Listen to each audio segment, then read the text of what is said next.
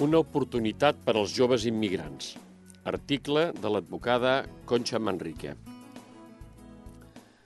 Mahmet, de 20 anys, ha inclòs al seu currículum el següent mèrit.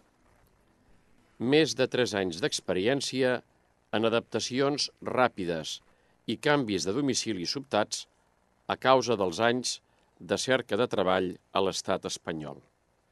Ha cursat més de 1.400 hores de formació en construcció, jardineria i manipulació d'aliments. Tot i això, va tombant des del 2017. Amb 16 anys, Mahmed va marxar d'amagat de casa seva, al Marroc, als baixos d'un camió per arribar a Melilla a la cerca d'un futur. Mesos després, va arribar a Barcelona. Al centre d'acollida de la ciutat comtal va rebre formació en diversos oficis, que podrien tenir sortida en fer-se gran, però, quan va arribar als 18 anys, es va trobar al carrer amb un permís de residència que no li permetia treballar.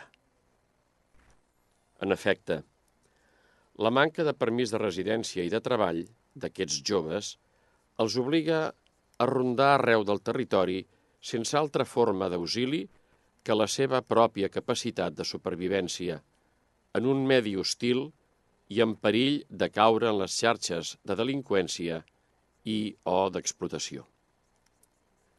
El Reial Decret 903 barra 2021, que reforma el reglament d'estrangeria, va entrar en vigor el 9 de novembre de 2021 i està pensat, sobretot, per facilitar els permisos de residència i de treball als tutelats majors de 16 anys i també als extutelats.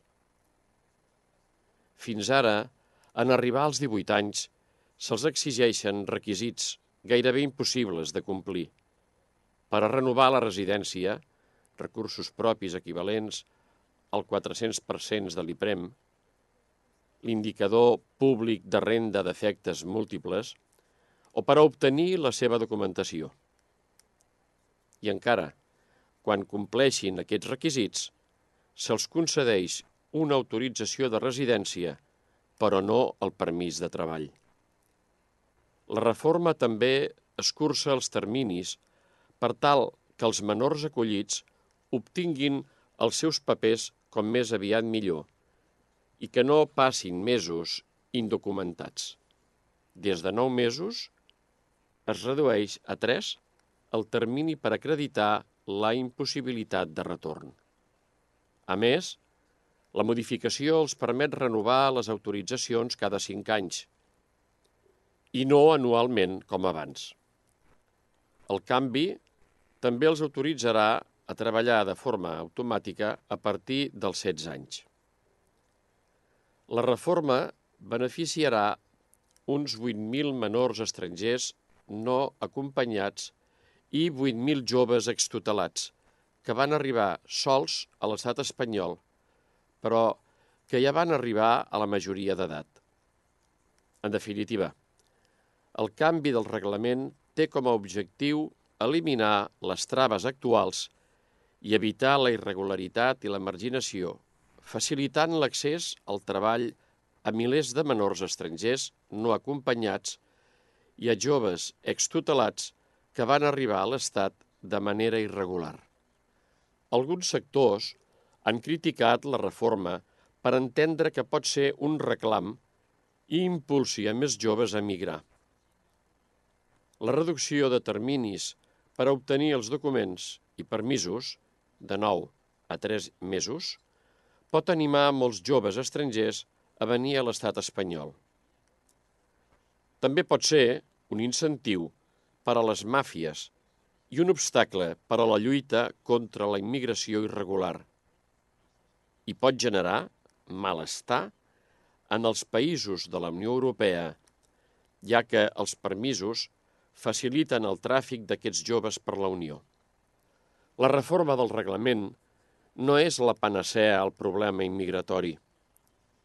Malauradament, continuarà existint l'explotació laboral, el racisme, la xenofòbia, el rebuig al nou vingut. agreujat tot per la falta d'una política comuna europea en matèria d'immigració que reguli, definitivament, els fluxos migratoris, el repartiment just de les quotes entre tots els estats membres i asseguri una dotació econòmica adequada als països del sud d'Europa, Itàlia, Grècia, Espanya i la resta, per a l'acollida digna d'aquestes persones. La modificació del reglament d'estrangeria per als menors no acompanyats i extutelats és la porta a una oportunitat de futur i d'integració social. Si s'aprofita bé, després vindran els drets complementaris del règim legal d'estrangeria, agrupació familiar, etc. I els drets econòmics i socials del nostre estat del benestar, prestacions, serveis. Els beneficiaris d'aquesta reforma han de ser conscients que gaudiran d'un règim especial diferent del de la resta de menors immigrants que han entrat irregularment al país, com ells, però acompanyats de les seves famílies, i d'aquells que no han tingut la sort d'ingressar en centres tutelats. En aquests casos, els menors i joves continuaran, com fins ara, com a irregulars i amb el risc de ser expulsats. Esperem i confiem que aquests joves sàpiguen aprofitar l'oportunitat que els dona el destí i el nostre país i que responguin amb generositat, respecte i adaptació a la nostra cultura, normes i forma de vida.